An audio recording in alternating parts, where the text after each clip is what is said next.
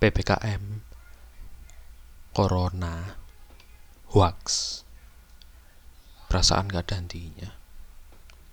Bahkan saat dirgahayu Indonesia, apakah kita sedang mencuri evolusi? Memang semua ini berawal dari mereka. Mereka yang lebih suka soto kelelawar daripada soto Betawi. Padahal soto Betawi bisa membuat keadaan yang bimbang ini menjadi seperti senang tidak dengan begini.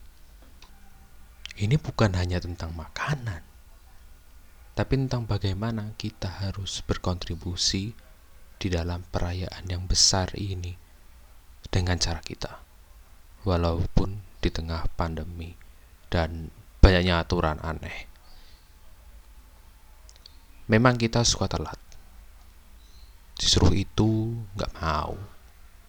Giliran kena, nyalah-nyalahin. Jancok. Benar, sebenarnya kita yang salah. Tapi mau berbuat apa lagi? Tapi beruntungnya ada banyak hal baik yang mengelilingi kita akhir-akhir ini. Ada medali, pencapaian terbaik putra-putri bangsa. Ada ah, sudahlah. Setidaknya itu tadi menjadi obat untuk kita. Obat hati agar tidak membangkang lagi.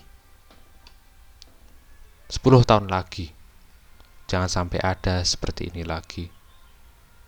Makanlah soto Betawi atau sejenisnya Jangan soto kelawar kalau tidak ingin seperti ini lagi. Terakhir, semoga kita semuanya sahabat di rumah. Sehat semua. Yang sedang berjuang menghadapi penyakit yang menyebalkan ini semangat. Yakinlah pasti sembuh. Merdeka buat kita. Jaya Indonesia. Merdeka